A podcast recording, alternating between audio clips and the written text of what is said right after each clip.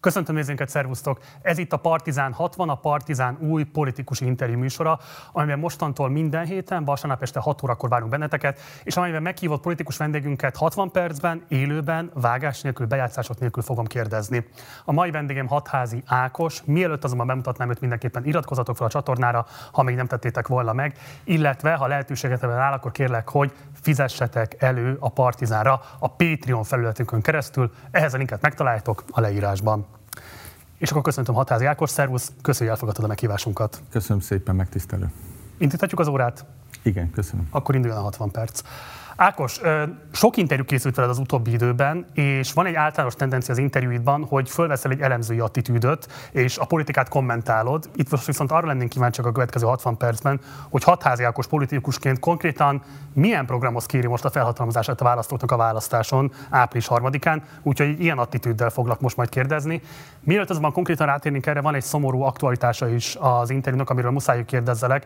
Megjelent egy lejárató cikk róla, de egy ismeret ismeretlen blogon, amit azóta töröltek, de amit átvett egyébként a kormányzati propaganda, és amiben azzal vádoltak téged, hogy egy gyermekbántalmazási ügynek lennél az elkövetője még 2005-ben. Te ezt száfoltad, kiraktál egy videót is, amelyben elmondtad azt, hogy egyébként maga a hatóság is vizsgálta ezt az ügyet, és végül nem találtak semmilyen bizonyítékot. Úgyhogy ezzel egy is szeretnélek kérni arra, hogy egyértelműen jelents ki, hogy cáfolod-e a veled szemben felhozott gyermekbántalmazási vádakat. Hát természetesen cáfolom, erről szólt az a videó is, amit kitettem, és erről szól maga az a papír, amit ott mutogat ez a névtelen blog, amit már azóta el is távolítottak. Erről szól, hogy ez nem volt igaz, volt egy édesapa részéről egy vád, azt kivizsgálták sok hónapon keresztül, és erről hagyd ne beszéljek többet, nem szeretnék, mert, mert nyilván fáj és méltatlan. Talán ahhoz a videóhoz egyetlen egy dolgot még, mert én mindig ö, igyekszem a tényeket mondani és ö, tényekkel érvelni. Arra szeretnék mindenkinek a figyelmét, ha valakiben kétség van afelől, hogy itt mi történt. 2005-ben, ugye én, ugye már én Fidesz tag voltam, képviselő jelölt voltam a baloldali vezetésű szexádom, Fideszes képviselőjelölt voltam, tehát aki azt mondja, hogy a baloldali vezetésű polgármesteri hivatal gyámügye azért állította le, mert nem tudom, politikai okokból leállította volna ezt a vizsgálatot, az nyilvánvalóan az, az, az nem lenne okay. logikus. Ugyanezt történt az ügyészséggel is. Én erről, én elnézést kérek, én nem... Jó, de egy fontos kérdés van még. Ugye arra utaltál, hogy ezt az ügyet te már sejtetted, vagy vártad, hogy el fogják hozni veled szemben, akár az előválasztási időszakban is. Ha fő voltál rá készül, egy ilyen típusú támadás érheti a szemédet, miért nem jöttél elő vele korábban? A, tehát egyrészt én már sokkal régebben erre föl voltam készülve. Én 2013-ban, amikor a trafikügyjel kimentem, akkor ugye a feleségemmel átbeszéltük, hogy mit kapunk ezért, gondoltuk, hogy lelőni nem lőnek le, de az, hogy lejáratni fognak, ezt biztos voltunk benne, és ebben, ezen is gondolkodtunk. Azért nem jön ki az ember, mert egyrészt tudta, hogy ez kockázatos a lejáratóknak is, mivel itt egy annyira egyértelműen a papír az ugye engem mentesít ebben az ügyben. Tehát ez visszalőhet a lejáratóknál. Most is úgy látom, hogy erre nagyon ö, ö, kényesen figyeltek, hogy próbálták azt mondani, hogy egy baloldali lap mondta ezt az ügyet, hát Propellernek a tulajdonos az egy fideszes ö, ö, oligarha, ö, és bíztunk abba, hogy nem jöhet ki, főleg azért, mert ugye ez a, a családnak egy seb, tehát ez egy nehéz időszak volt, amikor ugye ezt a vádat kaptuk, annak a kisgyereknek nehéz volt. De és ezért nem volt ez a részedről esetleg? Nem, nem, nem, mert ezt ö, nem lehetett más tenni, a videón is elmondtam, hogy nyilván, ha utólag magyarázkodik az ember, akkor, akkor az már úgymond magyarázkodás, hogyha utólag beszélek róla, ha előtte beszélek, akkor ez ugye az jön, próbálkozik, védekezik már előre. Ilyenkor azt tudtuk csinálni, hogy ezt a videót ezt elmondtam, akit érdekelne ennek a részletek, azon ö, ö, mindent megnézhet. Én hagyd ne beszéljek róla Jó. többet. Ö, ö, ezt okay. tudtuk csinálni. Korrupciós ügyészség.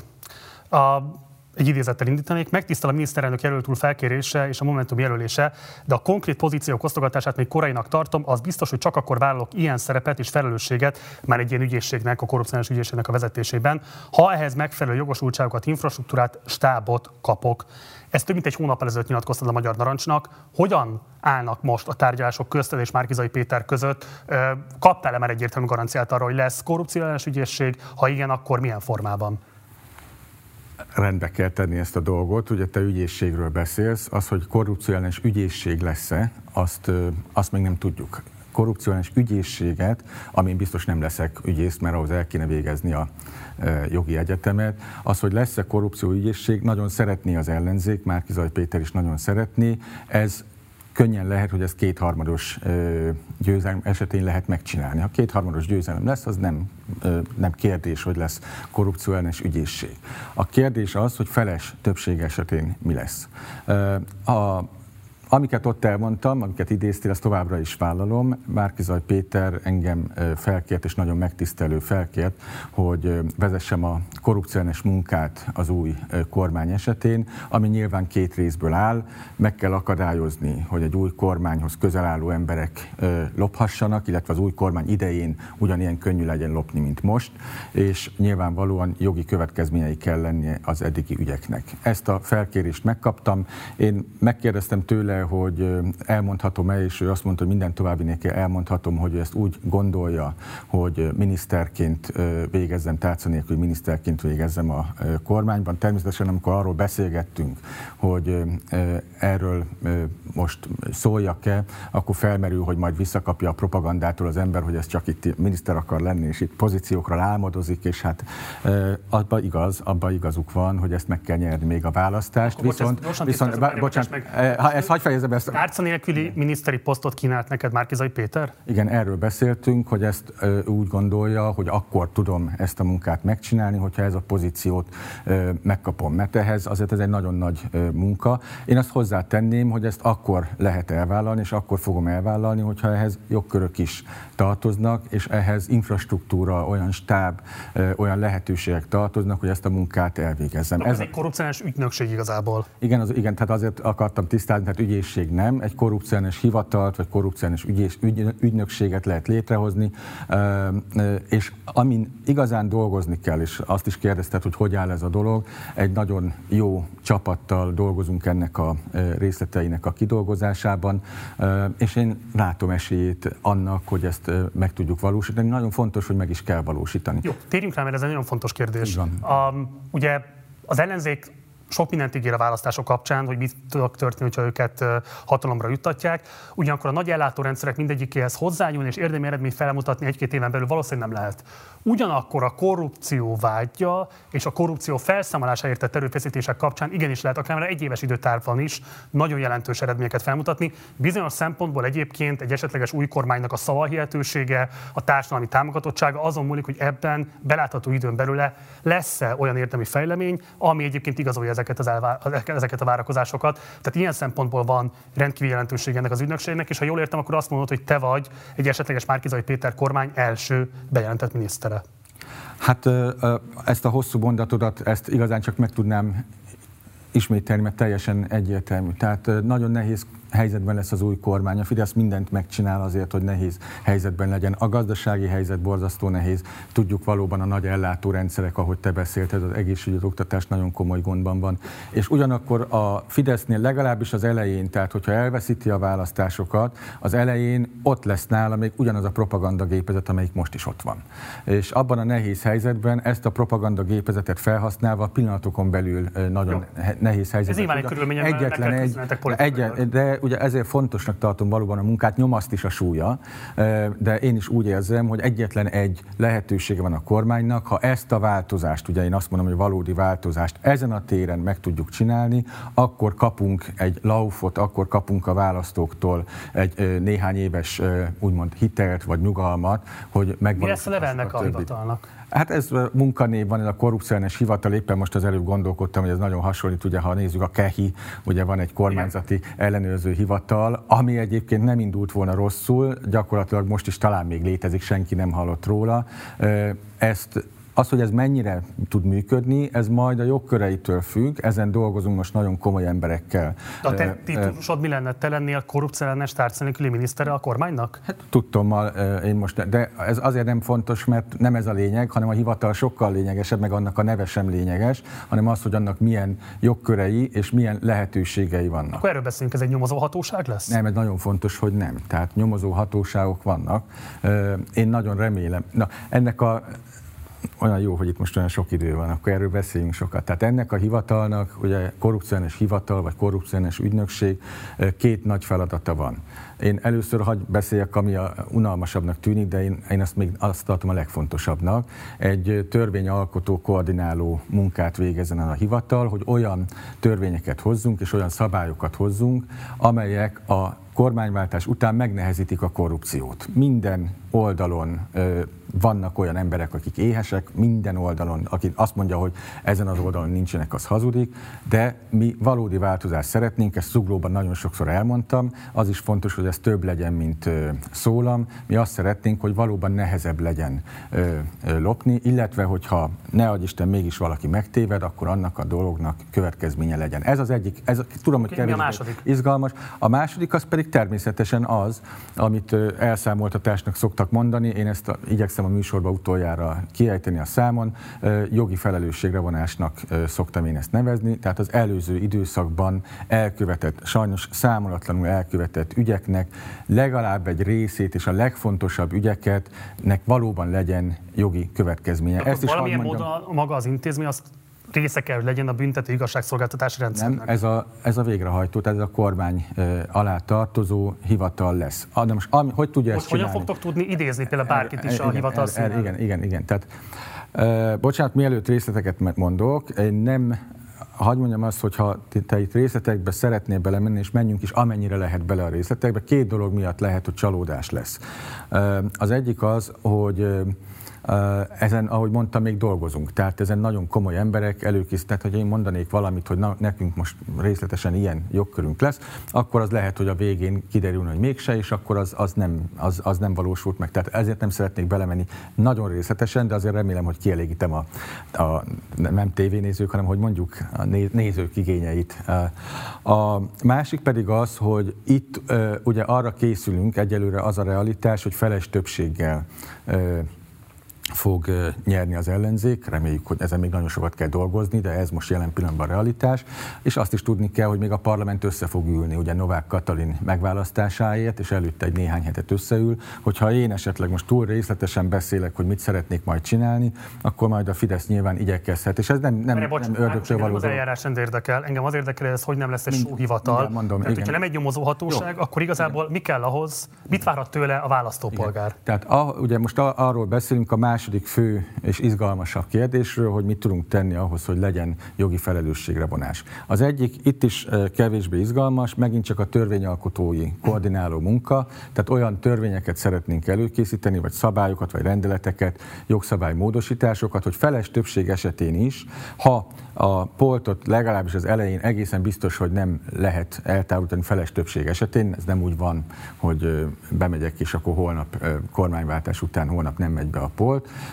Mindent meg fogunk érte tenni, és el fogjuk kezdeni ezt a munkát, de az elején nem lesz. Feles többség esetén is valódi lehetőség legyen a felelősségre vonásra. Ez egy törvényalkotói munka, erről tudok megint csak keveset mondani. Vannak nagyon elegáns megoldások, hogy feles többséggel is hogyan lehet még a polti ügyészség mellett is eredményesen ebben dolgozni. A másik, hogy ezen kívül ugye mit tud csinálni ez a szervezet, ez a szervezet nem lesz nyomozóhatóság, viszont ez a szervezet nagyon sok mindent tud vizsgálni, tehát a minden állami dokumentumokba, szerződésekbe azoknak a részleteit pillanatokat meg kell tudni, hogy kapja.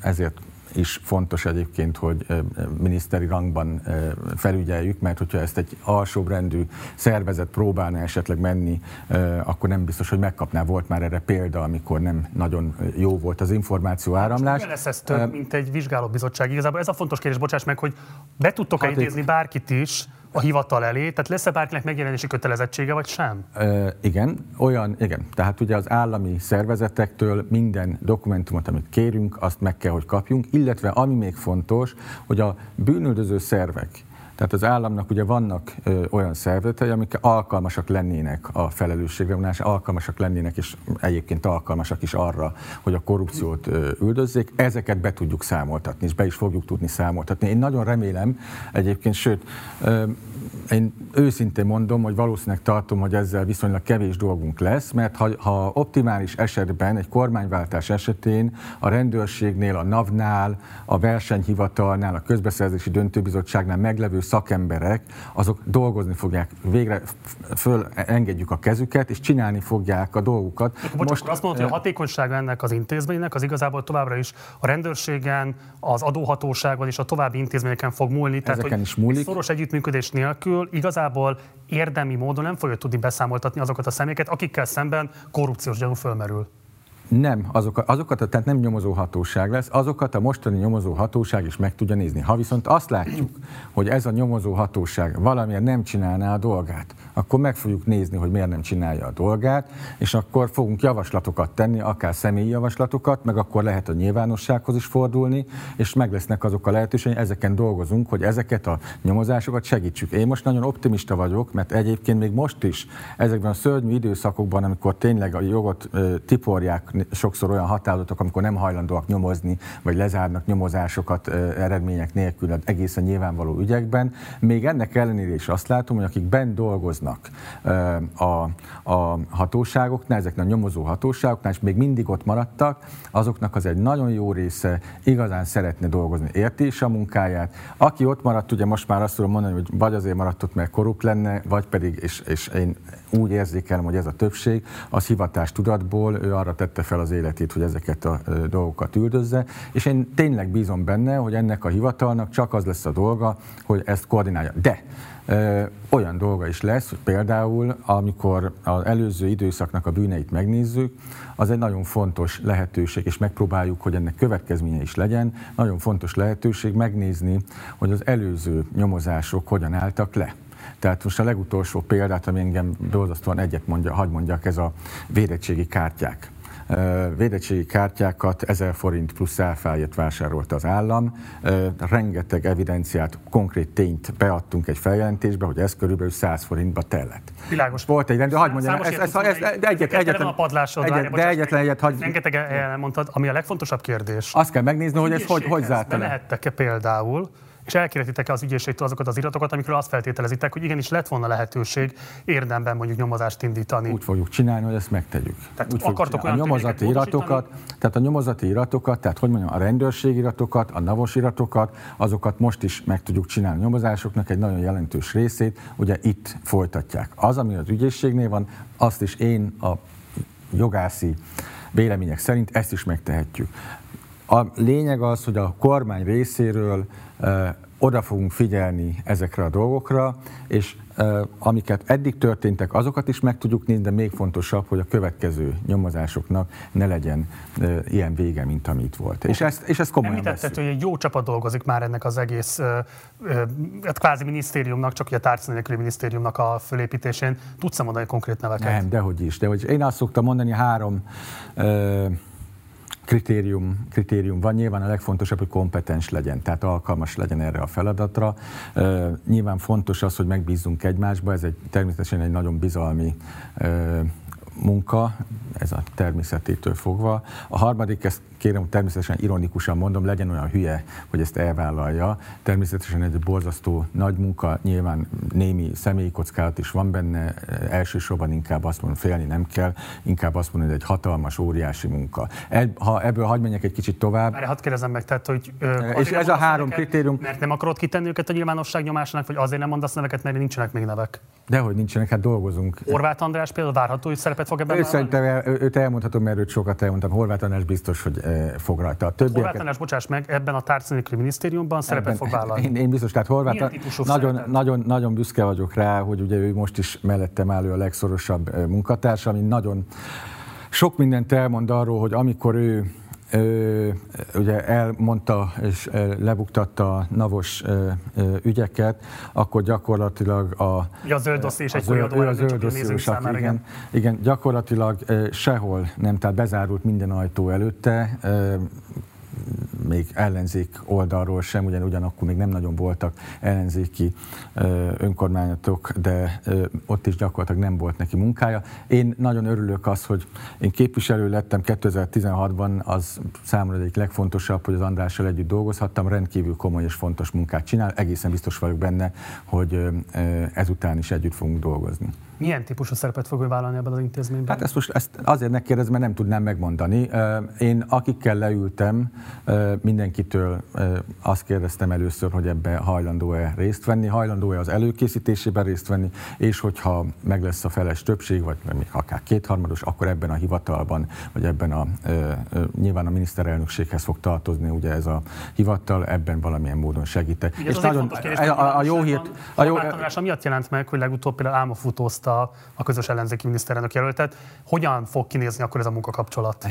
A, a Horváth Andrásról nagyon sok jót lehet mondani, és én inkább ezt mondanám, nem biztos, hogy a politikai érzéke a legjobb. Nagyon sokaknak a politikai érzéke, én úgy látom, hogy ugye egy picit elvész. Én szerintem most jelen, azt is sokan tudják, hogy az előbb utaltál is rá, hogy én is szoktam kritikus lenni az ellenzékkel, de nagyon fontos, hogy az ember, amikor egy időben van, egy időszakban van, akkor tudja, hogy mit kell csinálni. Most nem annak van itt az ideje, hogy egymást bíráljuk. Most egy... Rászóltál, egy, hogy hagyjon fel ezzel a tevékenységgel? Én, nem, én vele, amikor elkezdtem dolgozni, akkor mindig a legelején tisztáztam vele, hogy én, ugyan ő papíron én felettese vagyok, mert ugye ő nekem elvileg munkatársam a parlamentben, vagy én vagyok a munkadója, de én soha ő róla, vagy ő vele arról beszélni, hogy ő mit politikailag mit tegyen ki, mit posztolja, mit mondjon, nem beszéltem, és ez így lesz a jövőben is mekkora stáb kell ahhoz, hogy ez egy funkcionális intézmény legyen? Gondolok itt arra például, hogy mekkora büdzsé kell ahhoz, hogy ez megfelelően működjön.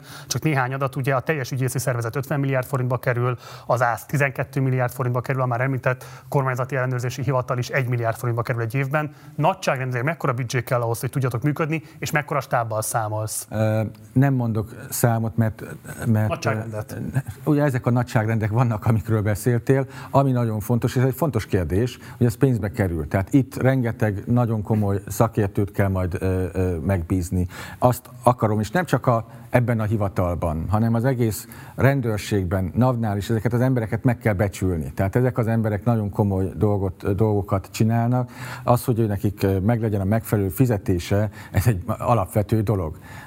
Úgyhogy természetesen ennek is meg kell, és nyilván akkor fogom ezt vállalni, hogyha ezek a akár pénzügyi lehetőségek is, hogyha ezek megvannak. Tehát ez egy, erről beszélni De ez kell, a hivatal milliárdos tétel lesz, akkor Igen. ezt kimondhatjuk. Természetesen. Hát ennek, ennek Mekkora stábbal kell minimum számolnod, hány fővel? Rakosga, ebben megint nem tudnék számot mondani, nyilvánvalóan sok tucat embernek kell lenni. 50 fő minimum. Adni, az, a, az a minimum. Tehát az, Akár hogyha, komolyan, hogyha komolyan veszük. Ne kérdezz tőlem számokat, mert én nem szeretek a levegőbe beszélni, ezeket Rakos, ez a munka megy. Mikor fog ez, bocs, azért fontos ez a kérdés, a parlament megalakulásán. Nap, a parlament, nap van hátra a választásokig. Annál ugye egy kicsit kérdések. többünk van, mert ugye a parlament megalakulásáig ugye ezt összeszokták téveszteni, és azt mondják, hogy hú, választás. Sajnos, amikor ugye megvan a választás, és ha nyerünk is, akkor is amíg összeül a parlament és a kormány megáll, vagy feláll, addigra ugye több hónap is eltelhet. Én azt tudom, és azt kértem a kollégáktól, akik ebben részt vesznek ebben az előkészítő munkákban, hogy nekünk a parlament megalakulásának a napjára, ennek a szervezetnek meg kell lenni a titkárnőkig, titkárokig, titkárnőkig bezárólag, hogy kik vannak ott, miből áll, milyen jogkörök és milyen hatáskörök vannak. És ami még fontosabb, hogy én kértem 5-6 olyan törvényt, amelyik, és törvénymódosítást, amit már az első napon a parlament elé be lehet terjeszteni, és amelyik egy feles többség esetén is azonnal lehetővé Ezek teszi. Ezek konkrétan megírt törvények már? Meg lesznek, tehát ezen, ezen, ezen, ezeket Bocsás, kértem. Ez nagyon fontos.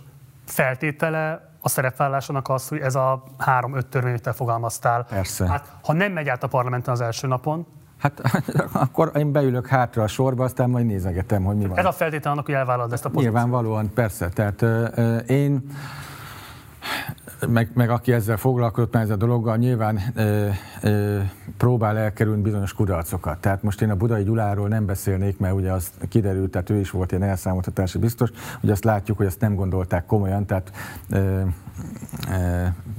az ő példája nem aggasztó, de voltak a, a előzményekben már olyan emberek, akikről én azt éreztem, hogy komolyan gondolják, és mégis kudarcot vallottak. És én azt gondolom, hogy, és ezt sokszor elmondtam már, hogy az ő munkájuk kudarca az azért, az az volt, hogy a, a kormány, az adott éppen akkor regnáló kormány nem gondolta komolyan ezt a dolgot. Én most azt tudom mondani itt a nézőknek, nem tudom, hova kell belenézni a kamerába, tehát az egészen biztos, hogy Márkizaj Péter ezt komolyan gondolja, hogy ezeket csináljuk. Ígéretet tett neked arra, hogy a parlament első ülésnapján az új kormány az általad követelt törvényeket el fogja fogadni. Igen, ezek, és föláll ez a korrupció ellenes ügyészség, vagy társadalmi és, és ami még fontosabb, hogy arra is e, ígéretet tett, hogy ugye ez ne csak arról beszélünk, hogy van akkor egy szép hivatal, ami szép nevű, hanem hogy azokat a jogköröket, hatásköröket és infrastruktúrát is meg fogjuk kapni, amihez szükséges. És akkor neked gyakorlatilag a választástól kezdődően a beiktatásig hátralévő, hát ilyen másfél hónap áll rendelkezésre, hogy teljes egészében felállítsd ezt a Meg ez az idő, amit most csinálunk. Tehát természetesen ezen, ez a munka megy, ezt komolyan vesszük, nagyon megható, mert ugye ilyenkor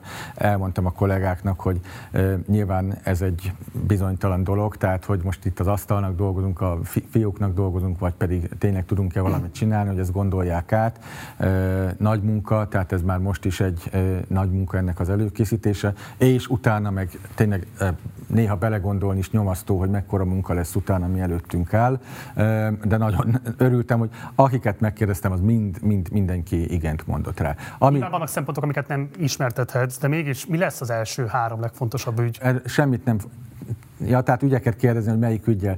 Én inkább azt mondom ebből, hogy megint ugye ez jól hangzana, ha megmondanám, melyik lesz az első uh, ügy, nem tudom megmondani. Azt tudom mondani felelősen, sajnos, hogy nem fogunk tudni minden ügyel foglalkozni. Tehát ha én azt mondanám, hogy mindenkit el fogunk számoltatni, és minden ügynek lesz felelősségre vonása. Mi alapján priorizáltok? Nyilvánvalóan azt szeretnénk a, a fő felelősökért, tehát azokért a felelősökért szeretnénk eljutni, és azokhoz szeretnénk jogilag is eljutni, akik ezért a, ami történt Magyarországon, és ezért a bűnszervezetért felelősek. Tehát ezt el kell mondani, hogy ugye jogi felelősségre Orbán Viktorral kezdtek, vagy Mészáros Lőrinccel? Szerintem mind a kettőig el lehet jutni, nem biztos, hogy azonnal ő hozzá fogunk eljutni, de mind a kettőig szerintem el lehet. Akár korábbi szereplők is, tehát még Simicska Lajos is lehet vizsgálattárgya? meg kell nézni, hogy, hogy tehát hogyha ő szembe jön, és az ő ügyei szembe jönnek, szerintem nincs ezzel semmilyen probléma, hogyha az ő felelősségét meg kell. Azt mondtad, hogy Márkizai Péter támogatja ezt az ügyedet, a hat párt hogyan áll ehhez? Támogatják-e szintén ugyanúgy? Én ugye a közvetlen tárgyalásokon én nem veszek részt, mert itt a pártok emberei beszélnek. Én a Márkizaj Péter miniszterelnök jelölt úrnak a beszámolóiból úgy tudom, hogy ezt támogatják, és nincs ellenvetésük. Tudták azt, is. hogy te társadalmi miniszter leszel, vagy ebből a műsorból fognak most értesülni? Nem, ők ezt tudták, ezt tudták. És akkor ebben konszenzus van? Nem tudok arról, hogy ne lenne. Keller László, akit te is említettél már, és aki ugye még a Megyesi Péter vezette kabinetnek volt közpénzügyi államtitkár, és aztán igen kudarcos karriert futott be, mert hogy ellehetetlenült a korrupciót ellenőrző, vagy azt kutató munkájában. Ővel számolnál ennek a hivatalnak a működtetésében? Ővel én beszéltem már korábban egy nagyon hosszú beszélgetést, hogyha ő neki ehhez még kedve lenne, akkor egyébként nagyon szívesen látnám. Akkor még, amikor ővel erről utoljára beszéltem, akkor ugye ez még tehát ez, ez egy rég régebb, régebben, után egy éve beszélgettünk vele részletesen, természetesen fel fogom őt hívni. Nagyon fontos tapasztalatai vannak, sajnos ugye őtőle azt is meg lehet tudni, hogy miken lehet elbukni egy ilyen szándéknak. Egyébként ő, ezt most személyesen hagy mondjam, személyesen nekem egy nagyon kellemes csalódás volt, ugye az ember sokszor csalódik, de a kellemes csalódásokról is beszéljünk.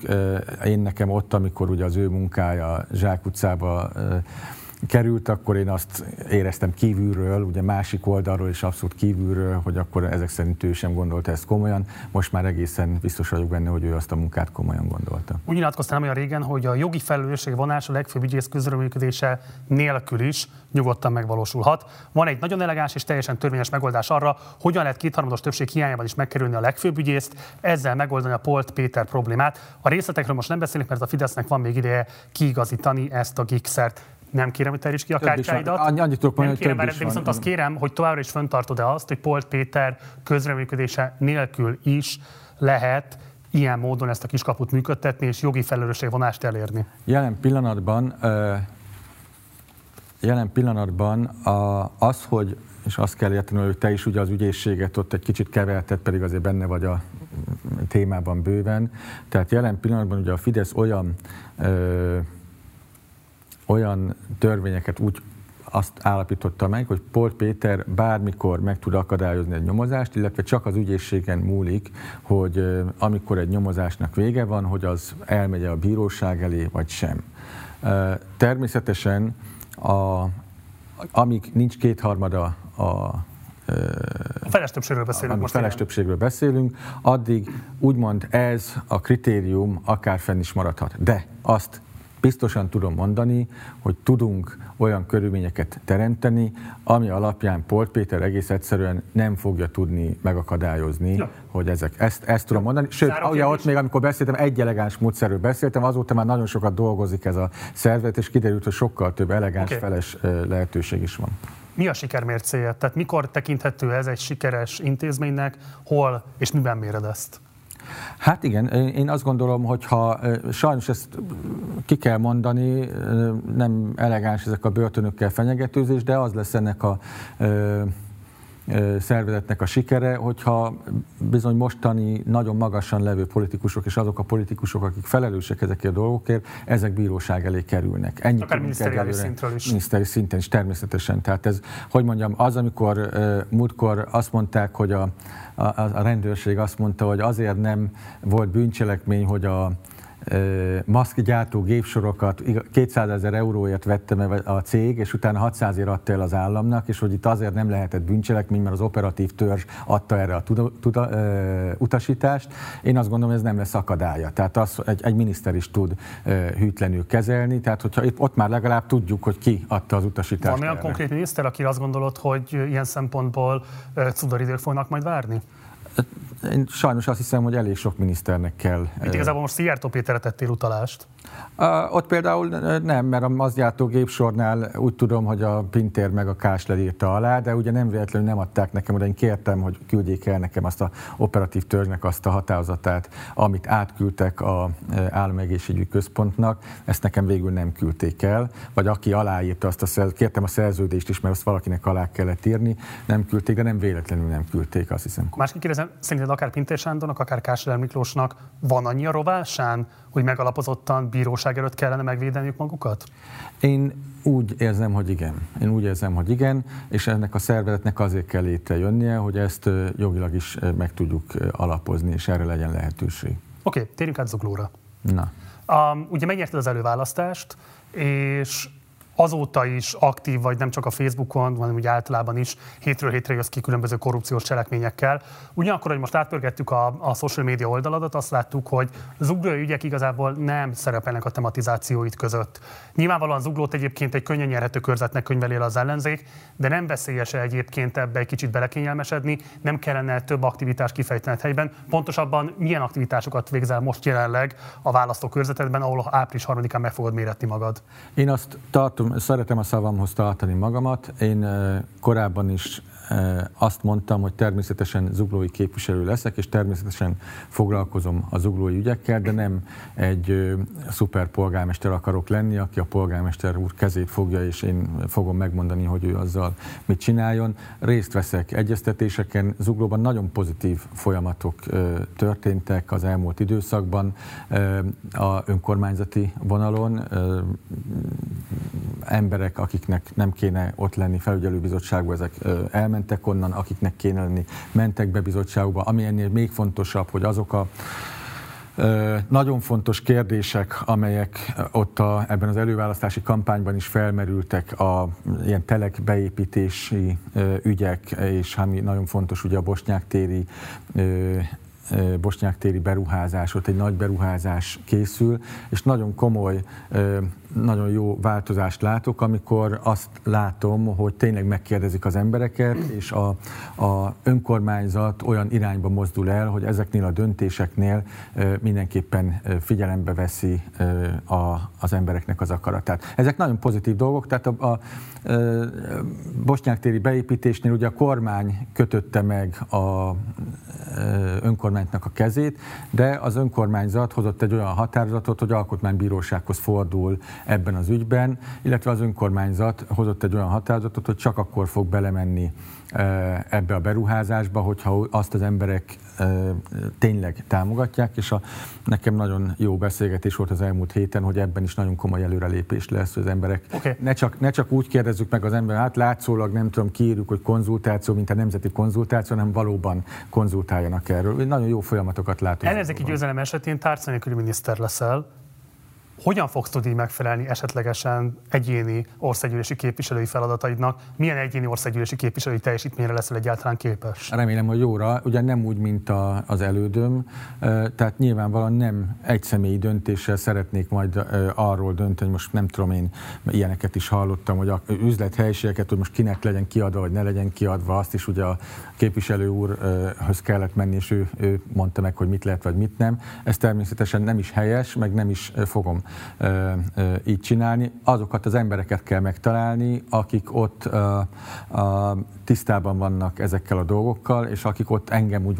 ott fognak képviselni. Természetesen jelen leszek Zuglóban is, de én ezt a előválasztás elején tisztáztam, tehát hogy mondjam, nem csaptam be senkit, amikor azt mondtam, hogy nyilván országos ügyekkel is foglalkozni fog. Annyiban a korábbi, vagy hát jelenleg is még országgyűlési képviselő Tóth Csabának nincs mégis igazsága, hogy nem biztos, hogy egyébként országos ügyeket vívő képviselő kvázi beejtő elnyőztetése a legjobb egyéni képviselőjelölti helyre. Szerintem egy nagyon jó ö, hogy, hogy szokták ezt mondani, friss levegőt vittünk be Zuglóban, ennek már látszik most a jele, és én nagyon sok, Miben? nagyon sok, amikről az előbb beszéltem ezekről a változásokról, és én Más nagyon sok... a hozzáállás, amik a polgármesternek a helyiekhez? Én, én, én abszolút úgy látom, hogy a, az egész vezet, neki is, és az egész ö, ö, vezetésnek, és ahogy ö, azt szerettem volna még mondani, hogy nagyon komoly és nagyon jó embereket ismertem me, meg, akikben duzzad a tetvágy, és akik, akik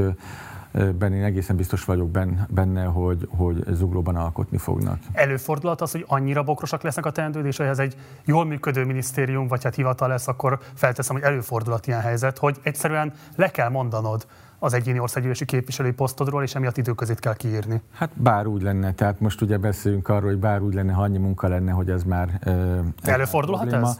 Van olyan, tehát tudunk olyan, uh, hogy mondjam, uh, vannak olyan példák, amikor azt láttuk, hogy nagyon aktív miniszterek is tudnak uh, egyéni képviselők is lenni. Ugye van egy rossz példa, részben jó, részben rossz példa, hogy a Lázár Jánosnak a példája, aki ugye egyéni képviselő is volt, nagyon aktív egyéni képviselő volt, mindent rosszul csinált, amit, amit amit lehet, de minden esetre el tudta végezni mind a két munkáját. Az más kérdés, hogy mire használta fel mind a két pozícióját. Én is remélem, hogy ezt fogom tudni bírni. Én az elmúlt időszakban is elég sokat dolgoztam, én remélem, hogy ezt tudjuk bírni. Ha időközére kerülne sor, mondom, megválasztás, nagyon sok a feltételes mód ebben. Először is megválasztanak, másrészt van ellenzéki győzelem, másrészt föláll ez a hivatal, de mégis ez mind bekövetkezik, akkor te részt vennél az utódok kiválasztásában? Van egyáltalán ötleted erre? Én nem nagyon gondolkodtam, tehát ilyenkor nyilván, amikor ha kap az ember egy ilyen felhatalmazást, akkor ezt a zuglóiaktól arra kapom ezt a felhatalmazást, amiről én beszéltem. Én arról beszéltem, hogy a, őket politikailag képviselem. Egészen biztos vagyok benne, hogy őket politikailag a parlamentben fogom tudni képviselni. Ez erről szól.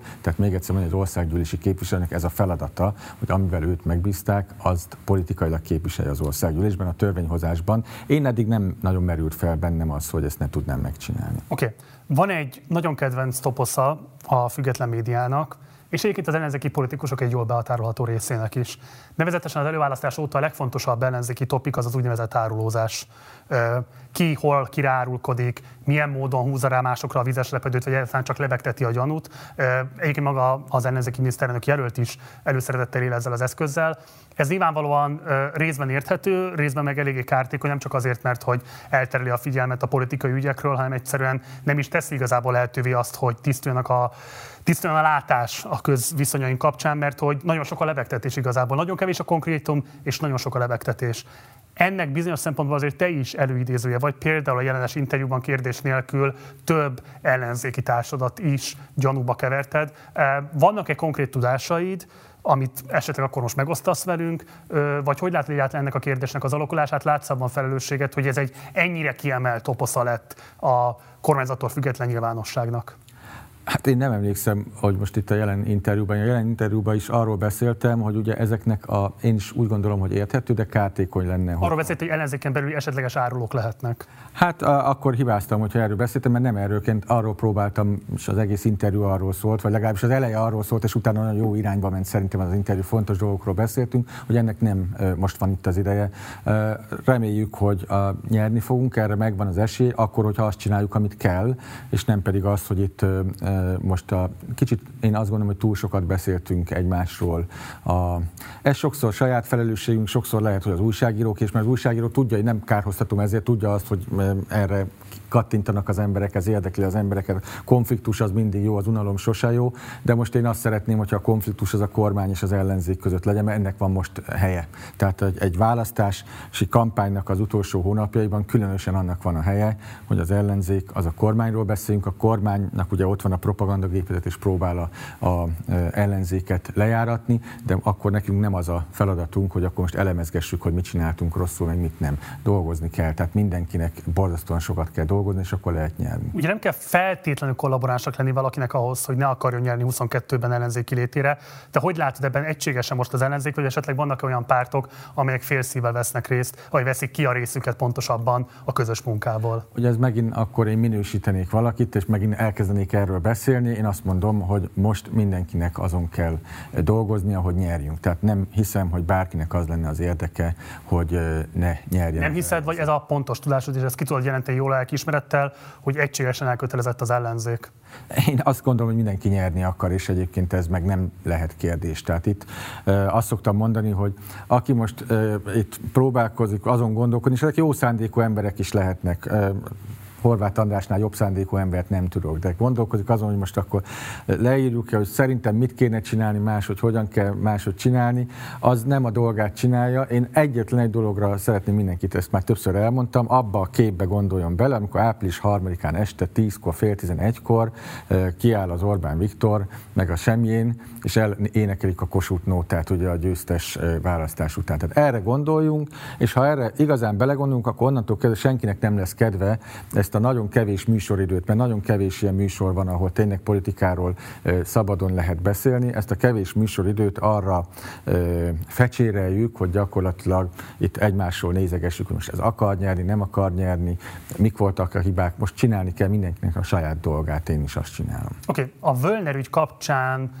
tematizáltad leginkább talán a közbeszédet az elmúlt hetekben, és pont a jelennek adott interjútban, de például a TV13-nak adott interjútban is majdnem kimondtad, hogy a gazda, akire utaltak többször is a leíratokban, az igazából Rogán Antal.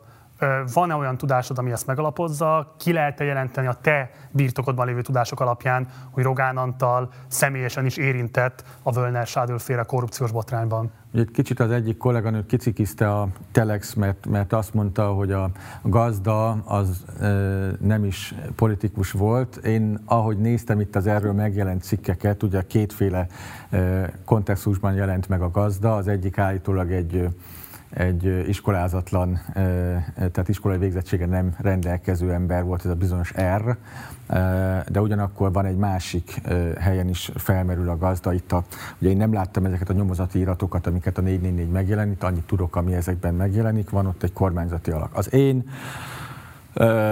információim alapján, és csak annyit tudok mondani egyelőre, hogy ezek azok ugyanazok az informátorok, akik nekem azt mondták, az ugyanúgy nagyon nehezen befogadható információt már legelején elmondták, hogy Völner Pál volt ugye megkenve a Sadl úr által. Amikor a Sadlut lefogták, ugye én próbáltam informálódni, és Völner neve rögtön felmerült. Ugyanezek az informátorok elég egyöntetően mondták Rogán érintettségét ebben az ügyben. Na most azóta, ugye én erről beszéltem már, amikor én előről, először erről beszéltem, akkor is elmondtam, hogy csak ezeknek az informátoroknak a szavahitetőségére tudok hivatkozni, amit nyilván nem tudok megmondani, hogy kik ők.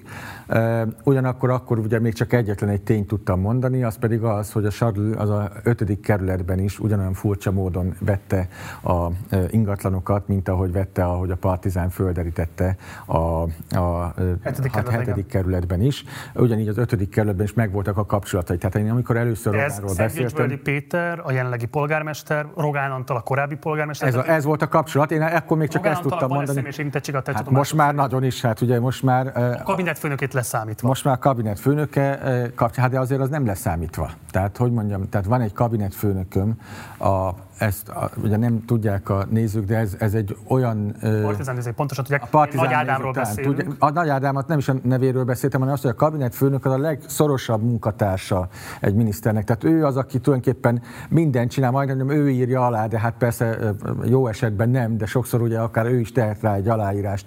Tehát a miniszternek ugye kell reprezentálni, meg természetesen azért a legfontosabb helyekre ő jár, de mindig mellette van a kabinetfőnök, és mindenről tud. Most ez a kabinetfőnök hogy Nagy Ádám ugye a leallagatási jegyzőkönyvek alapján az ő jogászi vizsgáiból többet úgy intézett el Sadöl György, hogy letelefonált az egyetemnek, hogy ilyen vagy olyan bizottságok előtt részesítsék előnyben, sőt elintézte azt is, hogy konkrétan meg se kelljen jelennie a vizsgán, és mégiscsak abszolválja azt. Hát igen, ez már ugye egy nagyon komoly dolog, de ez még lehetne az, hogy hát nem tudom, a Sarlul mindenkinek a kormányból csinált szívességeket, meg nem, ez még mindig lehetne egy olyan, hogy ez nem olyan nagyon durva dolog. Na most amit én... Ez éppen egy durva dolog. Az ez... a kérdés, hogy konkrétan tudsz arról, hogy Rogán Antal ez a jóváhagyás, a következő... aktívan résztvevője volt ezeknek az Én a következőt tudnám, ahol már viszont biztos vagyok benne, hogy objektíven mondhatjuk, hogy nagyon-nagyon valószínűtlen lenne, hogyha erről Rogán nem tudott volna, az pedig ez az ingatlan ügy, amiről én beszéltem először, az pedig az, hogy ennek a korrupt, veleig korrupt, mert ezt kell mondanunk, végrehajtói Hagy tegyek most, mert van még 15 percünk, egy, egy kis pici kitérőt. Nem Völner ügy, ezt, hanem ez egy végrehajtó ügy. Tehát ez, a Völner az elviszi ezt a dolgot rossz irányba. Itt a veleig romlott, korrupt végrehajtói karról van szó. Ennek a végrehajtói karnak, ennek van egy székháza, van a Hermina úton, a Városliget szélén egy nagyon elegáns, többemeletes iroda része, ahol elvileg panaszirodát tart fent, ahova meg nem lehet bemenni, mert panaszolni nem, nem lehet hozzájuk menni, csak online lehet ö, ö, menni. És emellett, hogy ez bérlék, emellett volt nekik egy cégük, ebben a cégben meg volt egy 1800 négyzetméteres irodaház a Szegedi úton. Tehát úgy béreltek a Hermina úton, az önmagában is csúnya dolog, úgy béreltek nagyon drágán egy ö, luxus épületet alig kihasználva, hogy közben volt nekik saját ilyen ingatlanuk. Na de ezt az ingatlant, ezt eladták október elején, Kinek adták el? Nagy Ádámnak. Tehát a Rogán Antalnak, a kabinet főnökének, akinek egyébként ö, ö, van, gondolom, hogy dolga, tehát egy ilyen miniszter mellett lenne dolga, kereshet, nem tudom, 5-600 ezer forintot, de ha azt mondom, hogy nagyon jól keres, 7-800 maximum, tehát egy hivatalnok, egy kormányhivatalnok. Emellett ugyan bedugták a Antenna Hungáriának az igazgatóságába, ott látjuk hivatalosan azt hiszem 300 ezer forintot keres, és bedugták még a, a pillanat, tehát összesen... Bele Ákos, amit mondtam, hogy sajnos ezt le kell De, de, de, mert a Rogánthoz kérdeztem, tehát a lényeg az, de ezt az ügyet... Konkrétan tudsz arról, hogy részt vett benne, vagy pedig feltételezett, hogy tudnia kellett róla, hogyha a legközelebbi munkatársa ilyen szinten involvált. Még egyszer mondom, tehát itt ezt az ember, tehát ez az ember, akinek mondjuk van egy millió forintos jövedelme, ez megvásárolta a végrehajtói karnak az irodaházát, 1800 négyzetméteres irodaházát, azért mondtam csak fél milliárdot, mert hogyha ez egy teljesen romos épület belül kívül nem így látszik, akkor mondjuk fél milliárdot ér. Nyilván többet ér. Ez az ember, ez ezt megvásárolta. Ezt, hogy erről, ugye két eset lehetséges, vagy tudott róla a Rogán, az, az, az is durva, meg ha nem tudott róla, az is nagyon durva. De az én információim szerint, amiket még egyszer mondok, ugye nyilván ezt nem tudom a tévénézőknek bizonyítani, hogy ezek kicsodák, mert nem fogom tudni elmondani, a Rogán benne volt. És ez az ingatlan vásárlás, ez még súlyosabb, jóval súlyosabb, súlyos az a egyetemi vizsga is, tehát ez egy az, egy, az, az még lehetne Rogán nélkül is, de azt, hogy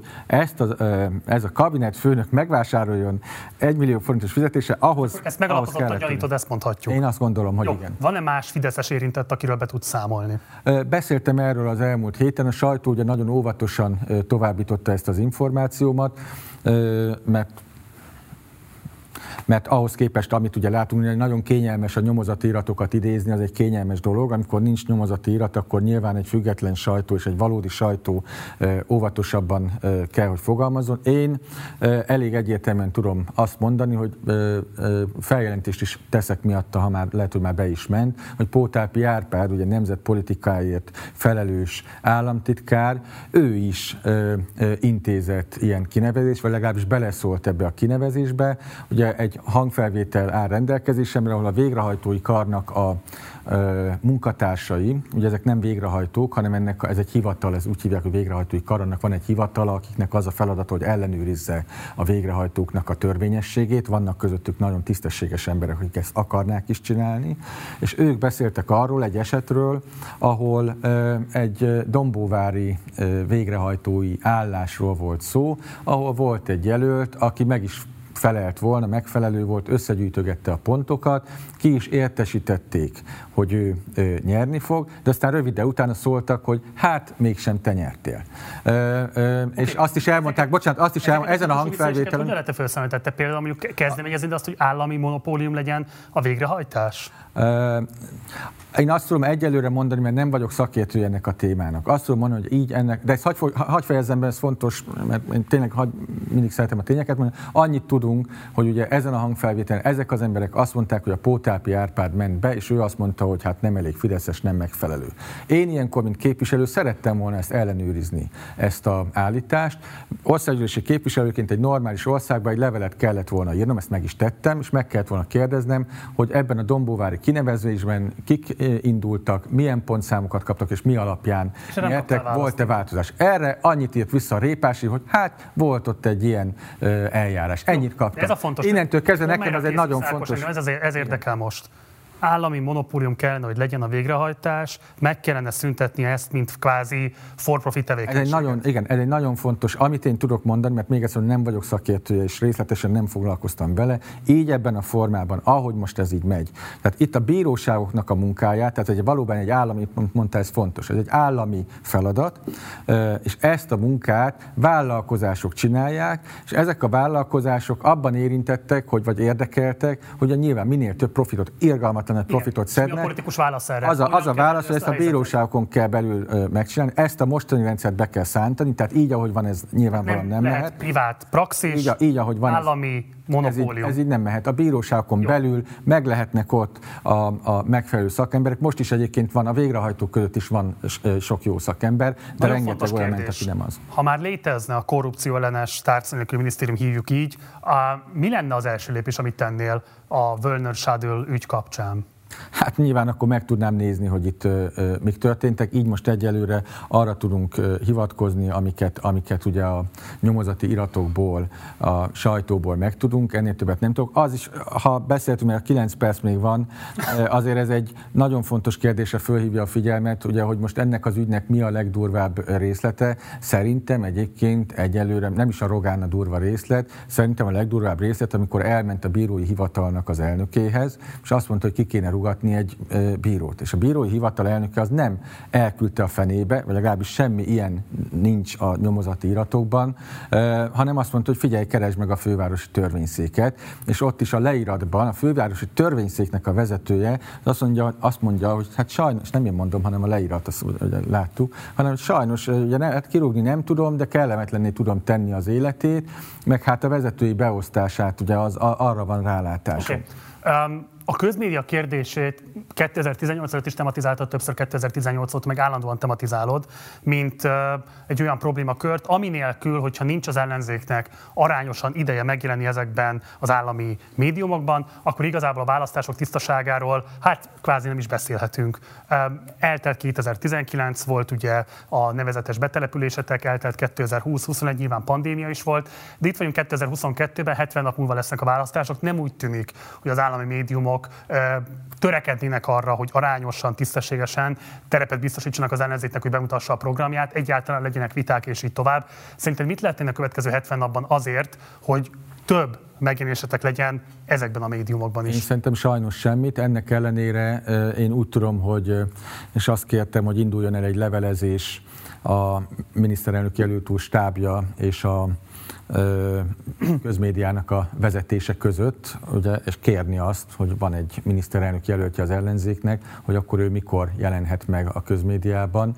De, de nem fogjuk elérni, tehát biztos vagyok benne, hogy most nem fogjuk elérni ebben a javulást. Jelen pillanatban az is nagyon fontos, hogy ezt ne azért beszéljünk erről, hogy majd esetleg valamilyen kudarcot ezzel magyarázzunk. Én valóban kudarcnak érzem, hogy az ellenzék nem tett meg mindent, mert ezt kijelenthetjük, nem tettünk meg mindent azért, hogy... De most a következő 70 napban jelen tüntetéssel, szerint, demonstrációval, jelen pillanatban, szerintem, tehát jelen pillanatban szerintem most, ne, az, azt nem árulok el mindent, hogy mit, mire készül az ember, de azt ki kell mondani, hogy az ellenzék elfogadta ezeket a játékszabályokat, sajnos ezt ki kell mondani, és elindult ezen a választáson.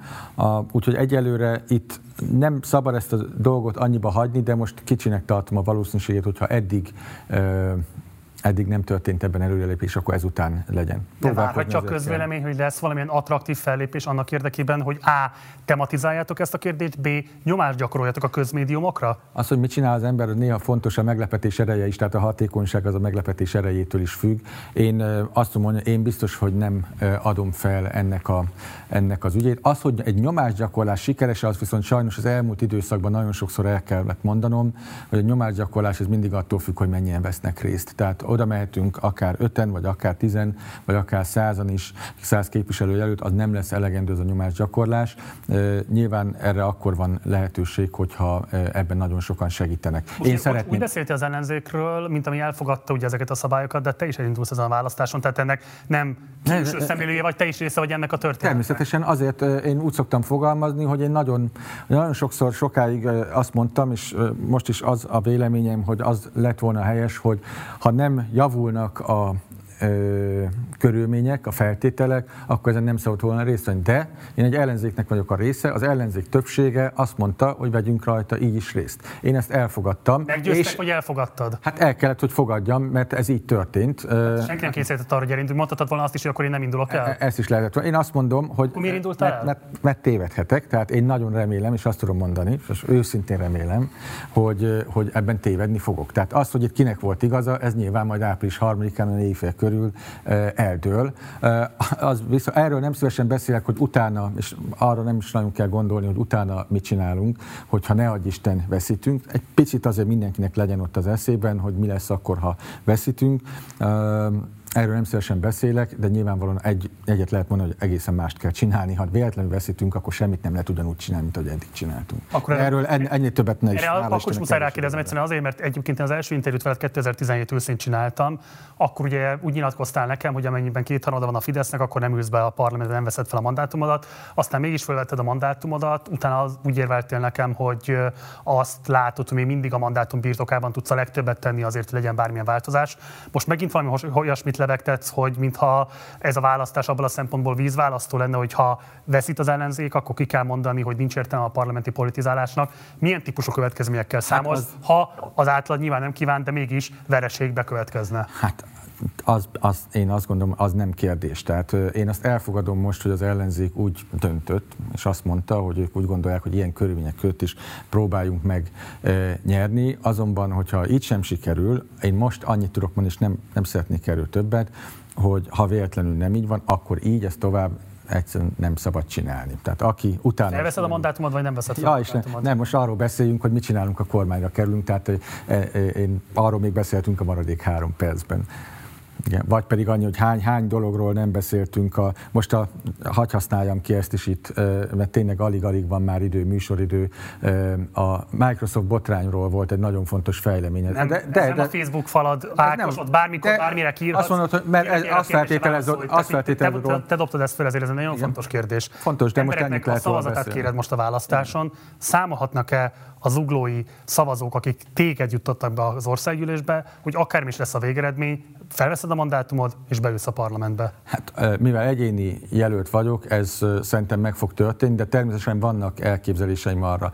Viszont tényleg nem erről szeretnék beszélni. És akkor is elmondom azt az egy mondatot, ha folyamatosan beszélsz, mert ugye a Microsoft botrányról gyakorlatilag alig volt szó az elmúlt napokban. Egy borzasztó fontos fejlemény. Az OLAF, az Európai Csalás elleni Hivatal befejezte a Microsoft ügyben a nyomozást, a vizsgálatot. A Port Péter úgy nyilatkozott, hogy még semmi még nincs így gyanúsított, ők még nem csináltak semmit. Ez azért nagyon fontos, mert az elmúlt éveknek a legjobban bizonyított bűncselekménye, és a legmagasabb szintekig eljutott bűncselekmény. Az FBI nyomozott ebben az ügyben, és az FBI nyomozása mondta ki, hogy ezek a pénzek, az itt keletkezett törvénytelen haszon, ez a legmagasabb körökig jutott el. Na most ebben az Olaf megtette a vizsgálatot, megtette a javaslatot is, ugye, hogy pénzt kérjenek vissza a kormánytól. Ugye azért köszönöm, hogy erről is beszélhetnem, és a ellenzéki kollégákat arra szeretném biztatni, hogy a kormánynak a bűneiről beszéljünk, és ahogy itt is tehettem, arról beszélünk, hogy mit fogunk csinálni. Jó, ez nem egy mondat volt, viszont egyetlen egy mondatod lesz már csak, mert tényleg a végére jár a műsoridőnk. Ugye Zuglóban, ahogy már ezt korábban is említettem, alapvetően ellenzéki győzelemre készül mindenki. Várható -e az, hogy a kampányban meg fogsz jelenni más választókörzetekben is? Esetleg van-e konkrét válaszod, hogy mely választókörzeteket fogod még priorizálni, és tényleg egyetlen egy mondatot szeretnék csak kapni tőled? Hát persze, hogy várható. Most a héten voltam Baján, ezen a héten azt hiszem Berettyói faluba megyek, tehát ugyanúgy, és ahol meghívást kapok, oda megyek természetesen, és Zuklóban is ugyanúgy menni fogok. Hatházi Ákos, országgyűlési képviselő. Köszönöm szépen, hogy elfogadtad a meghívásunk, köszönöm szépen, hogy rendelkezésemre álltál, és köszönöm szépen, hogy itt voltál. Várunk majd máskor is. Remélem, hogy esetlegesen majd, hogyha van bármifajta fejlemény a választásokon, akkor esetleg még miniszterként sem felejted el, hogy merre van a stúdiónk, és akkor is majd várhatunk téged. Köszönöm Nagyon szépen, hogy itt voltál velünk. Köszönöm szépen lehetőséget. Nektek pedig köszönöm szépen a figyelmeteket, ez volt a Partizán 60 első adása. Mostantól minden vasárnap este 6 órakor jelentkezünk. Jövő héten a vendégünk Donát Anna lesz majd. Érdemes lesz tehát akkor is majd velünk tartani. Mindenképp iratkozzatok fel a csatornára, ha még nem tettétek volna meg, illetve lehetőségetben áll, akkor kérlek, hogy fizessetek elő a Partizánra a Patreon felületünkön keresztül. Ehhez a linket megtaláljátok a leírásban. Munkatársaim nevében köszönöm szépen a megtisztelő figyelmeteket, hamarosan találkozunk, addig is, ciao.